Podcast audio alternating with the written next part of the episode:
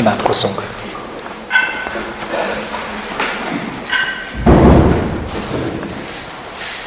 Uram, köszönöm neked ezt a csodát, hogy ilyen felfoghatatlanul közel jöttél hozzánk.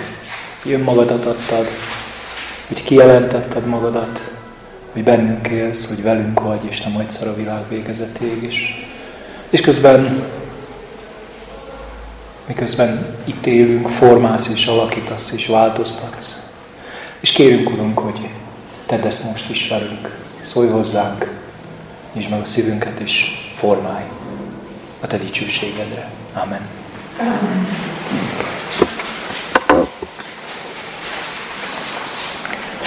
No. Elolvasok először két igaz szakaszt, ami, amiről majd beszélni szeretnék. Ez pedig János evangéliumának a, az egyik a 13. részéből való. Ugye a lábmosás története után János 13-ban van egy párbeszéd, én most csak ennek a végét ragadnám ki. Jézus így szólt hozzá, aki megfürdött, annak csak arra van szüksége, hogy a lábát mossák meg, különben teljesen tiszta. Ti is tiszták vagytok, de nem mind. És akkor még egy rövid szakasz a 15. tehát két fejezettel később, de ez ugyanannak az estének a párbeszéde. Ti már tiszták vagytok az ige által, amelyet szóltam nektek. Maradjatok én bennem, és én ti bennetek. Ahogyan a szőlővesző nem teremhet gyümölcsöt magától, hanem megmarad a tőlő, hanem marad a szőlőtőn, úgy ti sem, hanem maradtok én bennem.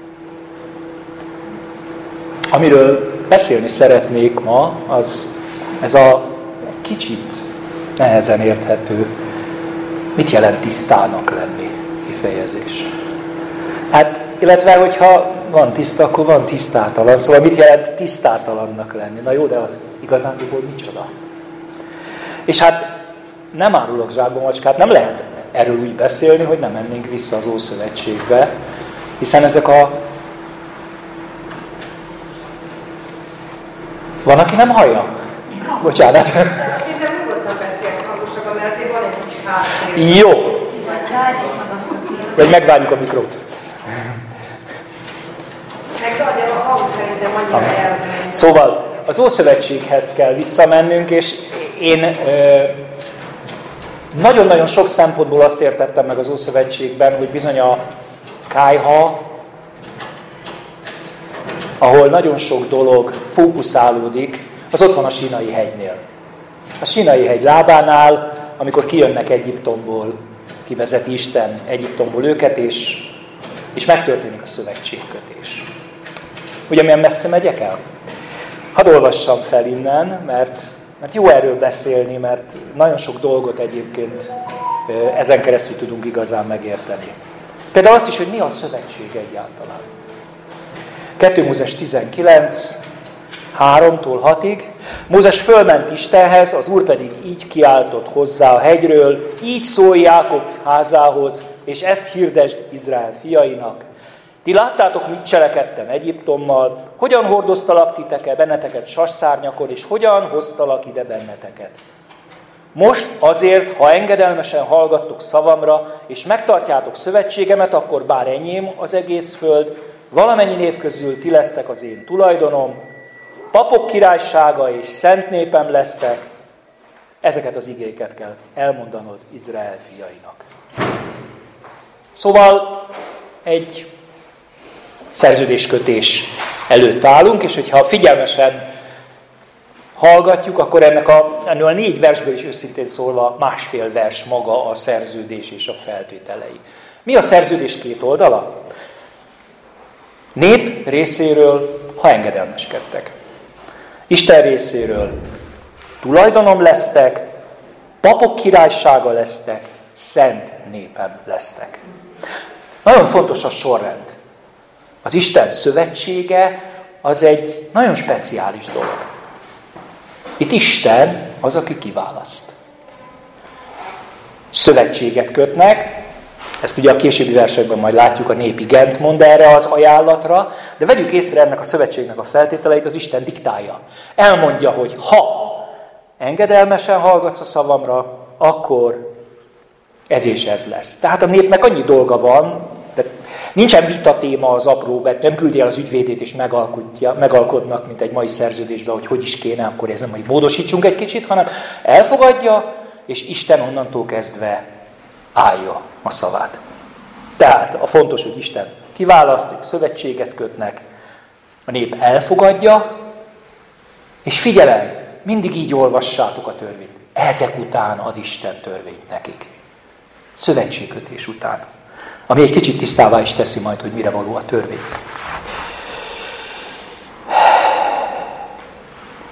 Mi a következmény ennek a szövetségkötésnek?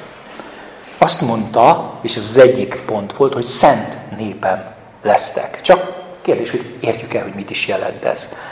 Mert ha ezt megértjük, akkor közelebb kerülünk, azt gondolom ehhez az egész kérdéshez, hogy szent, tiszta, tisztátalan.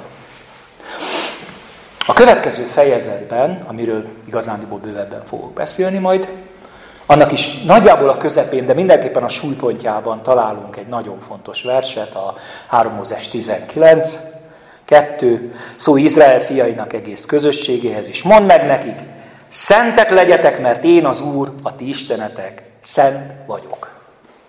Olvasunk egy állítást, és olvasunk egy parancsot. Mi az állítás? Én, az Isten, szent vagyok. Így van. A szent önmagában, és ez a Bibliát kívül is egyébként, ezt el kell, hogy mondjam, tehát adott esetben nagyon, nagyon sok idegen kultuszban is valami hasonló fogalommal bír, azt jelenti, hogy elválasztott, kiválasztott, megkülönböztetett, valami egészen elkülönített jelentéstartalommal bír. Nekem van egy nagyon kedves ö, meghatározásom, ami úgy egész egyszerűen úgy hangzik, hogy Isten egészen más. Úgy értem, hogy ne akart semmihez hasonlóvá tenni, egészen más. Totaliter aliter, mondja, ez egy kifejezés a 20. század elejéről egy, egy, egy, egy, egy Bart Károly nevű úriembertől. És, és azt mondom, hogy ez a lényege, hogy Isten egészen más. Isten mindentől elválasztott, Isten mindentől megkülönböztetett. De most, ha a szent fogalmát akarjuk megragadni, akkor elegendődjünk meg azzal, hogy elválasztott, kiválasztott. Szent a hely is egyébként, ugye, ahol Isten megjelenik. Vedd le a sarudat, mert szent ez a hely, mondja. És bizony, ha egyszer Isten szent, akkor ezzel együtt jár, hogy Istenhez csak szentségben lehet közeledni. Nem kezelhetem hétköznapi módon. Nem kezelhetem úgy a szentet, a szent Istent, ahogy a hétköznapi dolgaimat kezelhet, kezelem. Tehát le, most ezt értsétek jól, lehető nekem az édesatyám, az édesapám. Ugye atyánk így szólítják, a zsidók így szólítja Jézus is. De lelkünkben mindig különbséget kell tenni, ő nem lehet a cunci-munci, apuci, akivel akármit tehetek, vagy nekem az egyik rémképem, és tényleg nem tudom felidézni, hogy hol volt, de hallottam és megbotránkoztam rajta, amikor valaki parancsol a Szentléleknek, hát álljon meg a menet. Az Istenhez így nem mehet. Ezt valószínűleg elragadtatásomon mondtam, mert valami nagyon-nagyon lehengerlően éppen e, ilyen stílusban kommunikált. Tehát az Isten az valami nagyon más. És ennek fényében vajon mit jelent a parancs, hogy szentek legyetek? Másképp kérdezem, vajon ki munkálhatja-e ezt a szent állapotát a nép? Két résszel később, de számos más helyen is csak most egy jó példát szeretnék olvasni, 5 Mózes 7-ből, azt mondja Mózes, mint egy a törvény összefoglalásaként, ugye már a honfoglalást megelőzően ott vannak a túloldalán a Jordánnak, hiszen te Istenednek, az Úrnak szent népe vagy. Téged választott ki Istened, az Úr valamennyi nép közül. Tudom, éreztek-e valami? Ez egy kijelentés. Vagy. Szent népe vagy. Olvassuk el, hogy miért, mert ez nagyon jó. Téged választott ki Istened, hogy az, az Úr valamennyi, téged választott ki Istened az Úr valamennyi nép közül, amely a földön él, hogy az ő tulajdon népe légy. Nem azért szeretett Isten meg. És nem azért választott ki benneteket az Úr, mintha valamennyi népnél nagyobbak volnátok, hiszen a legkisebbek vagytok valamennyi között, között, hanem azért, mert szeretett benneteket az Úr, és megtartja az esküt, amit atyáitoknak tett.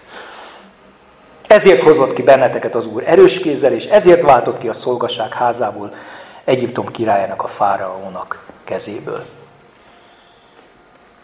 Miért a szövetségkötésnél kezdem ezt az egészet?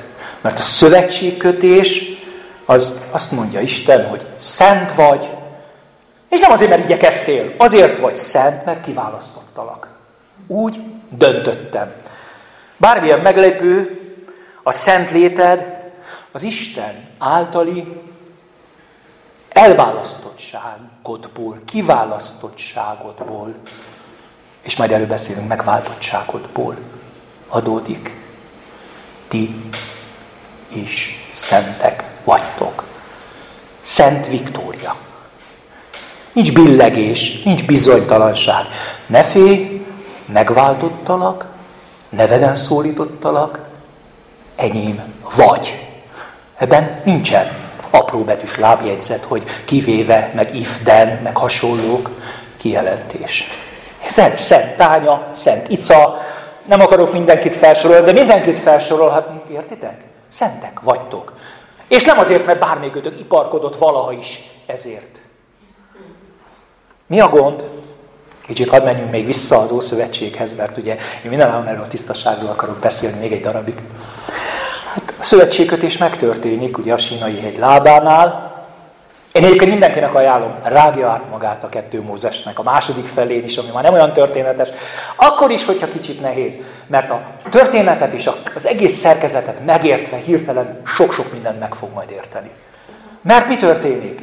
Mózes felmegy a hegyre, hogy a törvényt, ami ugye a szerződés feltételrendszere odaadja neki Isten, illetve hát két részben már elmondja magát a szövetséget, és aztán utána a részleteket, ugye a szabás mintát, a sátorról, meg minden másról felmegy, és mi történik közben, mire leér?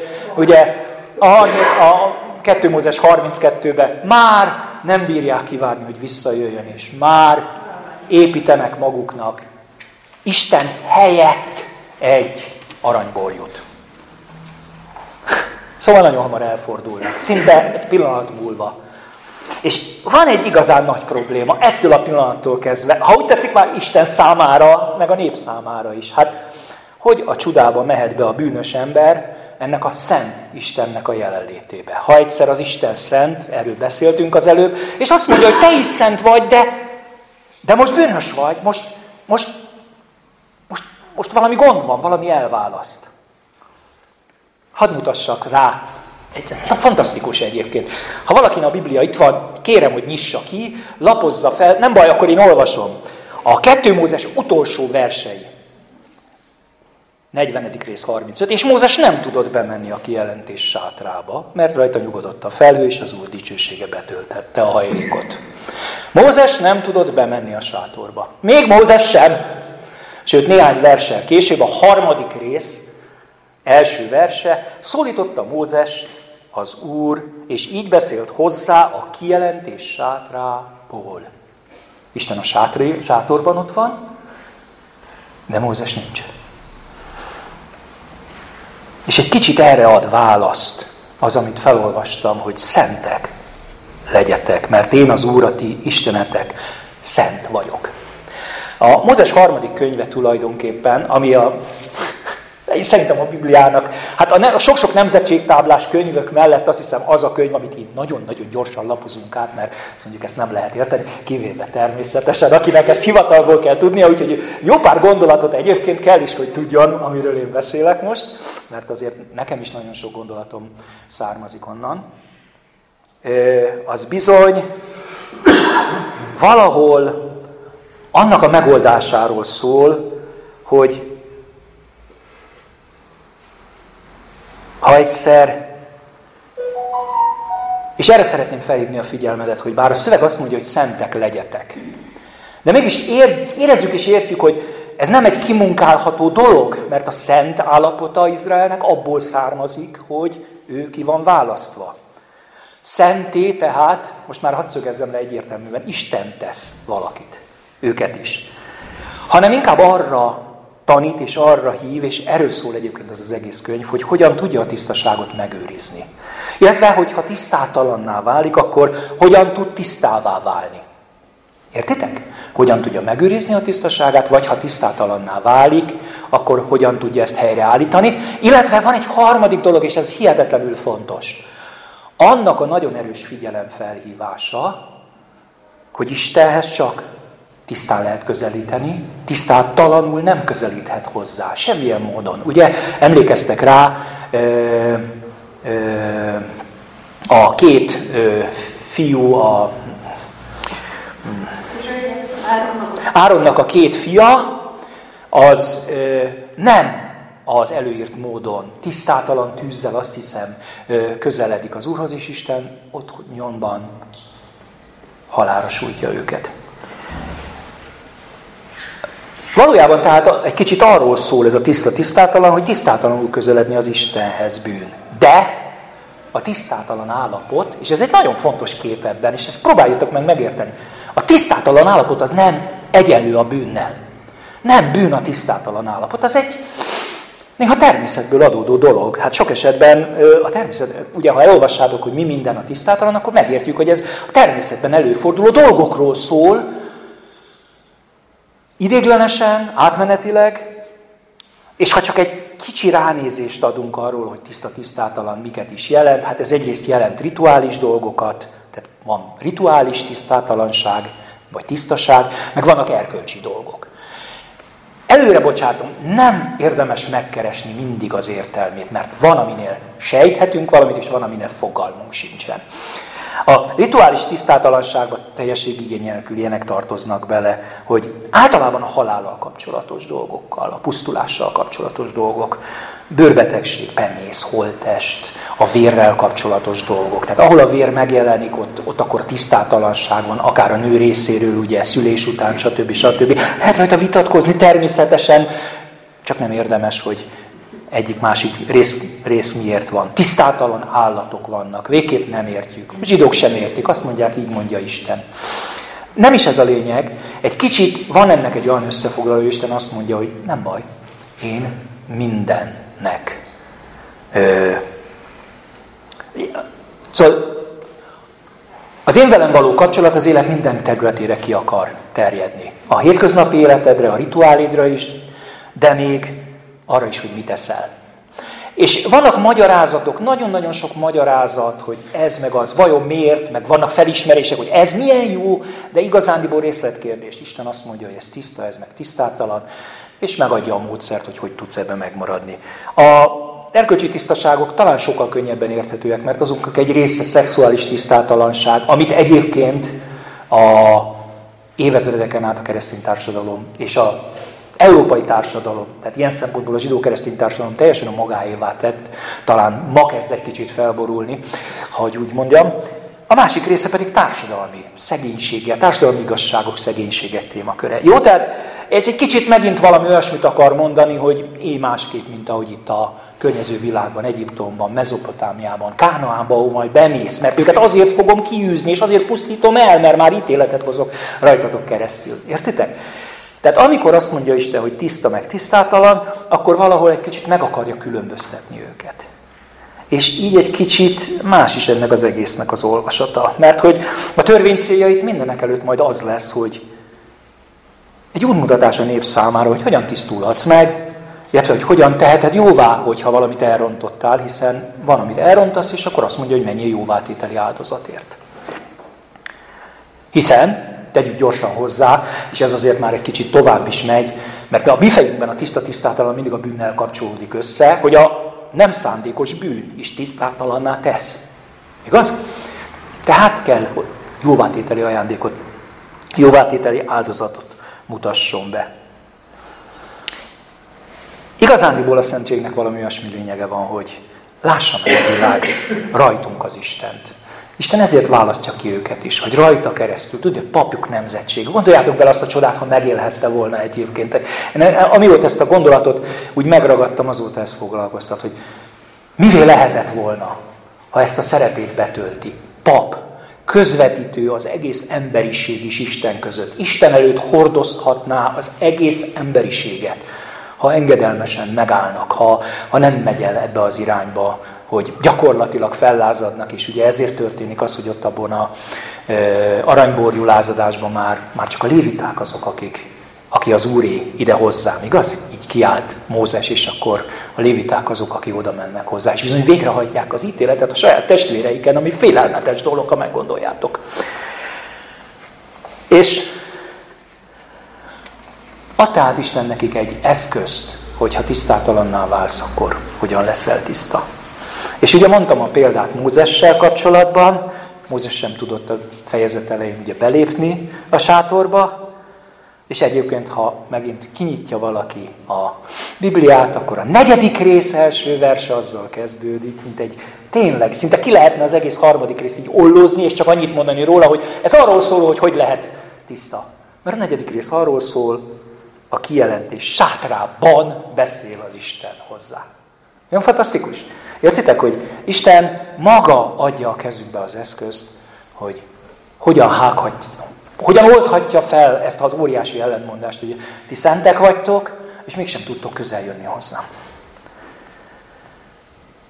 A kérdés az, hogy változott-e valami az új szövetség idejére. Igenis, meg nem is. A nem isre az a Nézzétek el nekem, ha unalmas, de én minden alkalommal el fogom mondani. Róma 3.23, mindenki vétkezett, és nélkülözi Isten dicsőségét. Ez igaz. Rád is, rám is, Szent Viktóriára is, Szent Icára is, és Szent Istvánra is. És önmagunktól mindannyian nélkülözzük Isten dicsőségét.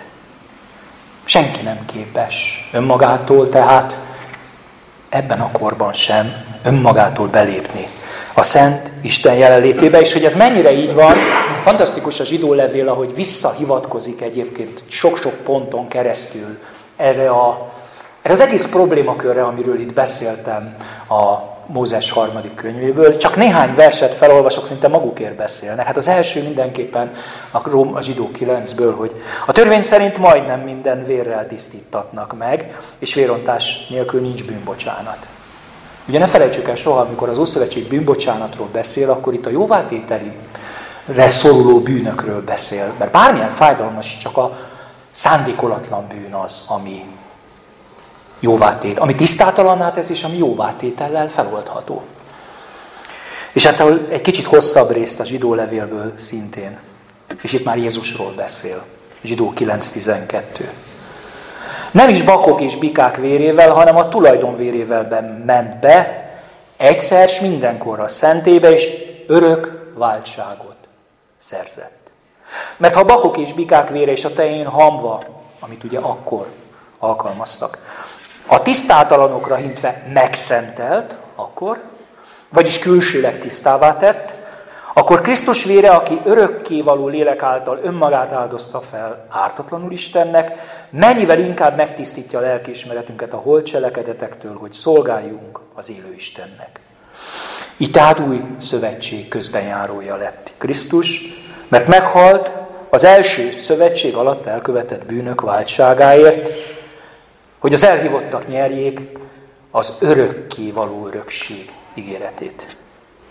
És akkor még egy kicsit későbbre a 26-os vers. Most azonban egyszer jelent meg az idők végén, hogy áldozatával eltörölje a bűnt. Ez most önmagában egy hatalmas nagy prédikáció része lenne, csak összekötni akartam az Ószövetségi története, és hadd ragadjak két gondolatot ki, ami azért nagyon fontos. Meghalt az első szövetség alatt, azaz meghalt az elkövetett bűnök váltságáért, és Krisztus egyszeri áldozata örök váltságot jelent. Ez mind a kettő nagyon fontos. Menjünk akkor vissza most már, hogyha az elején spoilerben beszéltem valamit a János Evangélium, akkor tényleg beszéljek is róla. Hogy is hangzott? Aki megfürdött, annak csak arra van szüksége, hogy a lábát mossák meg, különben teljesen tiszta. Illetve a 15-ből, ti már tiszták vagytok, az ige által, amelyet szóltak nek, szóltam nektek. Nem tudom, hogy ennek a fényében jelente mindez valamit, amit előtte itt az Ószövetségi képről elmondtam. Ti már tiszták vagytok, mondja. Nektek, rólatok, tanítványokról. Méghozzá az ige által, ami hihetetlenül jó, mert nem tudom a, a, a gondolatot másképp lefordulni, mint kétféle értelme van, de nyilván ez együttműködve egy az Isten aspektusából. A kétféle olvasatot ilyen értelemben értem, hogy Jézus maga a teste lett ige. Hiszen az az igazi isteni csoda, hogy a mindenható Isten testé lett. Az ige testé lett. És lakozik közöttünk, ugye? És te ő általa, az ő elvégzett örök váltsága miatt vagy szabad. Tehát tiszta vagyok, mert Jézus személyesen elvégezte ezt. De van egy másik olvasata is, és ez, ez, ennek van egy egyszeri és van egy folyamatos munkája is, azt gondolom. Azt tudni hogy az Isten igéje az, ami elvégezte benned, bennem azt a munkát, hogy most itt vagy. Mert az Isten igéjének a munkája az, hogy én itt állhatok, hogy hitre jutottam, hogy megszólítottam magányomban, egyedül létemben. Nem kellett emberi közvetítő igazán neki, akkor ott már az első szikrához igen. Hogy elismerhetted, hogy elismerhettem, hogy bűnös vagyok, hogy menthetetlen az állapotom, hogy elfogadhattad Jézus örök válságát, ahogy az előbb mondtam, és van, ahol nehezen értjük, de fontos ebben a sorban, hogy és bemerítkeztél, amivel bizonyságot tettél a látható és láthatatlan világ előtt arról, hogy te benned ezt a munkát Isten elvégezte, hogy ezt az üdvözítő munkát Isten elvégezte. És nagyon fantasztikus, ahogy a korintusi levélben egyetlen egy mondatban ezt összefogja Pál. Ti is ilyenek voltatok. Néhányan ilyenek voltatok, de megmosattatok, megszentelődtetek, és meg is igazultatok az Úr Jézus Krisztus nevében a Isten lelke által. Rólunk, tehát bármilyen meglepő is, úgy beszél János, hogy ti már tiszták vagytok. Ti már tiszták vagytok. Tiszták vagytok. Érted? Szent vagy, tiszta vagy. Krisztus mindent elvégzett, érted? És bár továbbra is igaz, a Róma 3.23, hogy mindenki vétkezett, és mindenki hiány van, Isten, mindenki nélkülözi Isten dicsőségét, mindig keverem a Karolit meg az új fordítást, de Jézus örök válsága, váltsága miatt van egy útleveled. Van egy útleveled Istentől, Jézus vére által, hogy mégis bemehetsz. Aki megfürdött, annak csak arra van szüksége, hogy a lábát mossák meg, különben teljesen tiszta. És ezt próbáljátok meg úgy gondolni, hogy Jézus ott nem valami nagyon elvont, szellemi dologként közelít első, első pillanatban hozzá, hanem azt mondja, mond egy rövid példázatot. Hát ebben a korban a zsidó ember valószínűleg a legtöbb esetben, mondjuk a nagyvárosban nem tudom, de azért minden máshol igen, de ott is kiment a folyóhoz megfürdeni például. Igaz? Megfürdött a folyóból, és aztán hazament.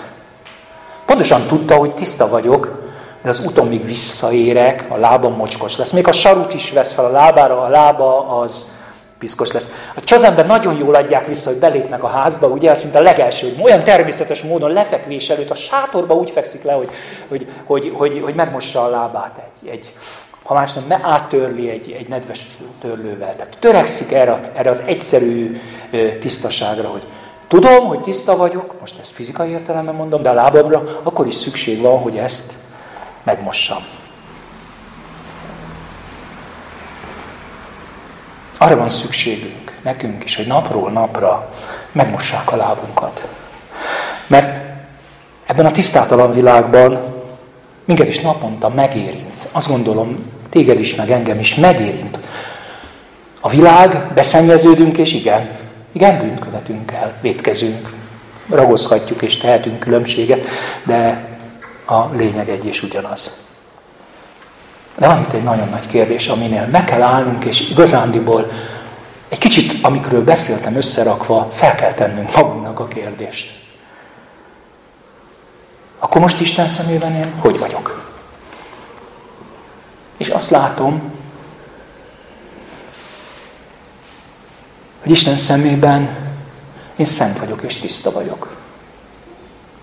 És lehet, hogy valakinek most az elsőre egy kicsit meredek lesz, de azt kell, hogy mondjam, hogy Isten szemében nem vagyok bűnös, pusztán azért, mert bűn követtem el. Azt mondja a Róma 6, hogy azt tartsák, és ugye a hívőknek beszél, ugye előtte már túl vagyunk a megtérésen, keresztségen, sok mindenen. Azt tartsátok magatokról, hogy meghaltatok a bűnnek. Nem azért bűnös az ember, mert vétkezik, hanem azért vétkezik, mert bűnös. Elmondjam ezt még egyszer? Jó az, ha lecsúszik. Nem azért vagy bűnös, mert vétkezel, hanem azért vétkezel, mert bűnös vagy. Az állapotod, a szellemi állapotod az, hogy bűnös vagy. És nem tudsz nem bűnös lenni. Képtelen vagy nem vétkezni. Ebbe a világba ma, Ádám óta minden ember úgy születik bele, hogy képtelen nem vétkezni. Az más kérdés, hogy ebből a bűnös állapotából védtek következik, nagyon hamar, aki nekem itt most jön a pici gyerekekkel, én azért tudok mesélni egészen kicsi gyerekekben is, akikben már nagyon hamar kirajzolódik sajnos, hogy munkálkodik benne ez a... Nevezük így eredendő bűn, ugye ezt így szokták fogalmazni, ez az örökölt bűn. És bizony ez az állapot az, ami meghatározza azt, hogy vétkezel. Tehát azért vétkezel, mert bűnös vagy. És Krisztus azt mondja, hogy én ebből kiragadtalak nem vagy már bűnös. Nem vagy bűnös. Igen, elkövetsz vétkeket, bűnöket, mondom, én nem szeretem a különbségtételt, mert egy kicsit olyan erőszakosan súlyoz, és ez, erre kell megoldás, nem azt mondom, hogy ez normális és szabad, tehát így, itt ezen a dolgon csúszik el mindig a keresztények gondolatmenete, hogy oda akkor csinálok, amit akarok, Róma levő, dehogy is, hogyan tehetnénk már, mondja. De ez egy nagyon-nagyon fontos dolog, hogy bizony téged Krisztus megváltott. Isten azt mondja, enyém vagy. Szent vagy. Ahogy a zsidó is, az enyém. Az a zsidó is, akit elvisz fogságba, továbbra is Istené. Azt mondja Isten, én nem változom meg. Itt, itt ne abba kapaszkodj, hogy te mi vagy. Azért beszéltem a szövetségről, mert a szövetségnek a lényege, hogy ezt Isten diktálja. És az ő oldala az soha nem fog megváltozni. Soha nem fog megváltozni. És ez egy hihetetlenül fontos dolog. Bennem ne bízzál, meg magadba se, ha lehet. Istenbe biztosan. Ő azt mondta, hogy szövetségesen vagy, ezt mondja a zsidó, egy mai zsidó is egyébként. És azt mondja, én az Istené vagyok. És az Isten azt mondja, hogy én egy szent népe vagyok, egy elválasztott népe vagyok. Ő nem tudja megoldani ezt a tiszta-tisztátalan dolgot, ő ma is megy a mikvébe. Ugye? Néhány sarokra van. Kaznici utcában azt hiszem, de most már talán több helyen is. Ez rituális, rituális fürdőhely. Persze, amit a színházban láttunk, annak nem tudom, hogy voltál-e velünk, az egy erről szóló darab, de az van, ez ma is létezik. És egy, egy, egy, egy, egy ortodox zsidó az ma is nagyon-nagyon sok mindent ebből a tisztasági szabályokból, például az étkezését feltétlenül tartja, meg nagyon sok egyebet is. Neked azt mondja az evangélium, hogy te már tiszta vagy. És ez egy fantasztikus dolog, mert azt, ezzel együtt azt is mondja neked, hogy bocsi, de ne foglalkozz azzal, hogy tiszta meg tisztátalan állat. Szegény Péter, micsoda gyötrődése lehetett azért, amikor az Isten szólt neki. Pedig hát, tulajdonképpen itt elmondta ezt. Arra van szükségünk, én azt látom, és itt van jelentősége ennek, hogy az Isten igéje által vagyunk tiszták, mert ez, ez a munkája annak ellenére, hogy Isten elvégezte bennünk, hogy, ö, hogy végigmentünk ezen az úton, vagy végig vitt minket, vagy végig hívott. Nem is tudom, inkább azt gondolom, hogy ő csinálta, mi meg csak mentünk, amerre vitt, hogy eljutottunk odáig, hogy hitre jutottunk, és az övé vagyunk, és azt mondja, hogy én ezt nem akarom befejezni itt, ezt folytatni akarom. Az igén keresztül ő ma is folyamatosan téged arra kér, hogy engedj neki. Engedj az élő igének, Krisztusnak, aki benned él, annyira jó volt hallani, mert tudtam, hogy el fogok ide jutni. A benned élő Istennek, aki naponta szólni akar hozzád. És engedj az igének, amit kinyitsz és olvasol, aki szól hozzád szintén, mert ez egyfajta tükröt mutat neked, hogy leleplezzen, és hogy megmossa a lábadat napról napra. Vagy hogy engedje, hogy megmosd a lábadat. Vagy engedje, hogy odaállj Krisztus elé, és azt tud mondani, hogy Uram, ezt megint elrontottam. Már megint. De köszönöm, hogy te tudtad, hogy el fogom, lob, el fogom rontani, hiszen te magad mondtad, hogy szükségem lesz arra, hogy a lábamat újra és újra megmossák. Emlékszem, két évtizeddel ezelőtt volt egyszer egy ilyen álmom, eh, hogy csak láttam magamat, ahogy megyek vidáman egy úton, vagy valahova megyek, és egy olyan kicsit olyan poros, olyan pici-pici kis sár, Inkább, inkább olyan, tudjátok, ilyen eső utáni kis iszapsár. És ahogy mész benne, egyre nehezebb lépni. Egyre nehezebb lépni. És aztán egy idő után már egyre nehezebb, egyre vastagabb az a sárcsizma, és a, valamiért a sár is egyre mélyül, és egyre ömásítsz, és egy idő után már nem tudsz kilépni belőle. És valami ilyesmi az, amit el tud végezni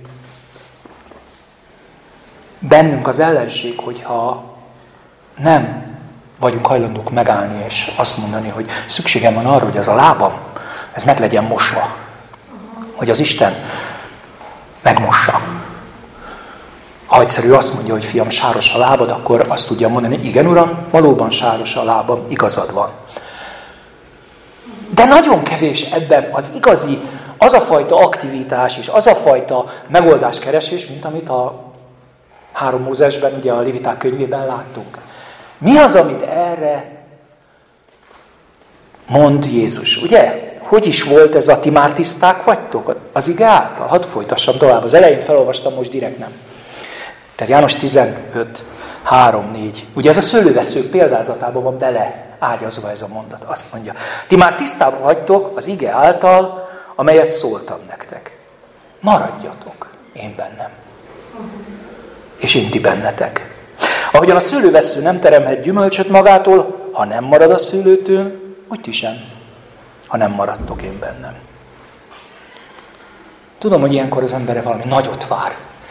És én valami nagyot mondok. Azt mondja Isten, maradjunk ő benne. Maradjunk ő benne.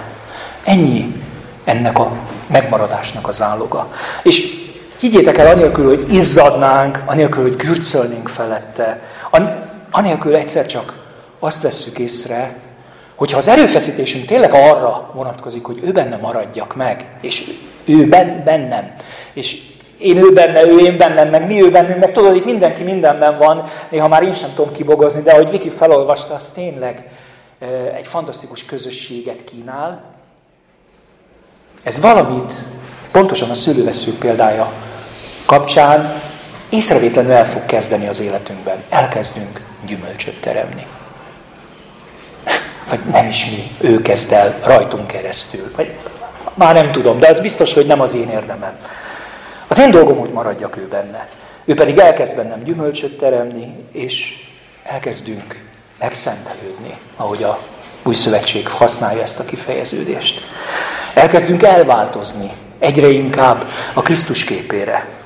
És egyre inkább megvalósul rajtunk az, amit annó Isten elhívásánál mondtam ott a zsidók felé, hogy Isten azért csinálja mindezt, hogy rajta keresztül meglássa a világ, a mindenható Szent Istent. Most én nekem az a hitem, hogy ha engedünk, ha megmaradunk benne, akkor elváltozunk Krisztus képére, és láthatóvá válik rajtunk keresztül a Szent. Hogy bejön valaki a cukrászdába, és csak tudod, hogy ez az Istené. Bemész valahova, és azt fogják mondani, hogy ez az Isteni.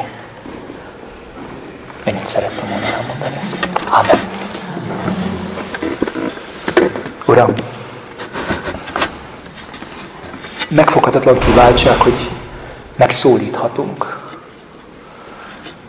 hogy mik, akik vétkesek vagyunk, és hiány vagyunk az Isten dicsőségének, ide állhatunk eléd, és szólhatunk hozzá, és nem pusztítasz el, mert te vagy az, aki megszenteltél, aki megragadtál, aki kihívtál, aki megváltottál, aki megmostál, megtisztítottál minket.